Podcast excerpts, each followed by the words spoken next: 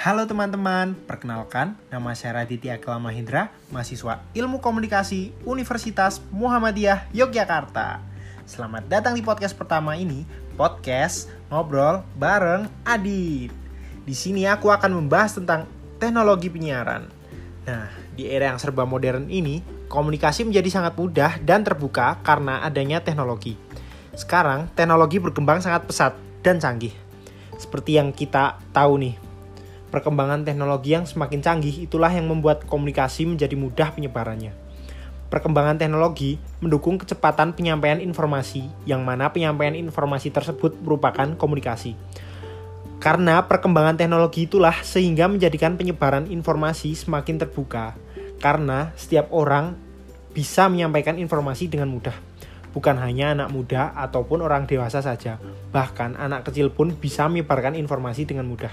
Keterbukaan informasi seperti saat ini memang sangat membantu kita dalam memperoleh informasi.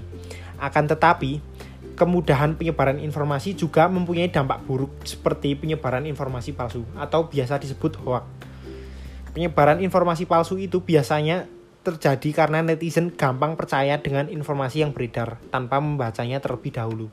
Selain keterbukaan informasi, perkembangan teknologi juga berdampak pada siaran televisi, khususnya di Indonesia ini. Bagaimana tidak, pemilik stasiun televisi bukan hanya pemerintah, melainkan ada juga yang pihak swasta, bahkan milik pribadi.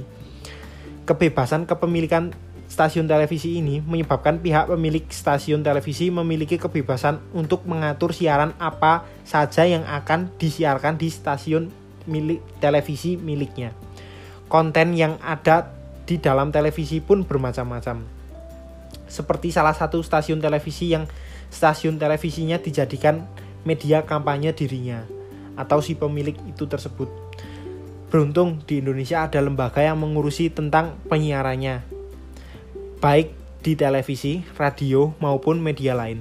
Akan tetapi, saat ini juga masih banyak siaran-siaran televisi yang ditayangkan tidak sesuai dengan waktu yang seharusnya, atau ada konten dewasa di dalam tayangan untuk anak-anak, seperti sinetron yang ditayangkan pada siang hari di mana adalah waktu di mana anak-anak pulang sekolah dan biasanya menonton televisi. Seharusnya sinetron ditayangkan saat anak-anak sekolah atau anak-anak sedang tidur, yaitu pada saat pagi hari ataupun malam hari. Itu saja podcast dari saya. Terima kasih.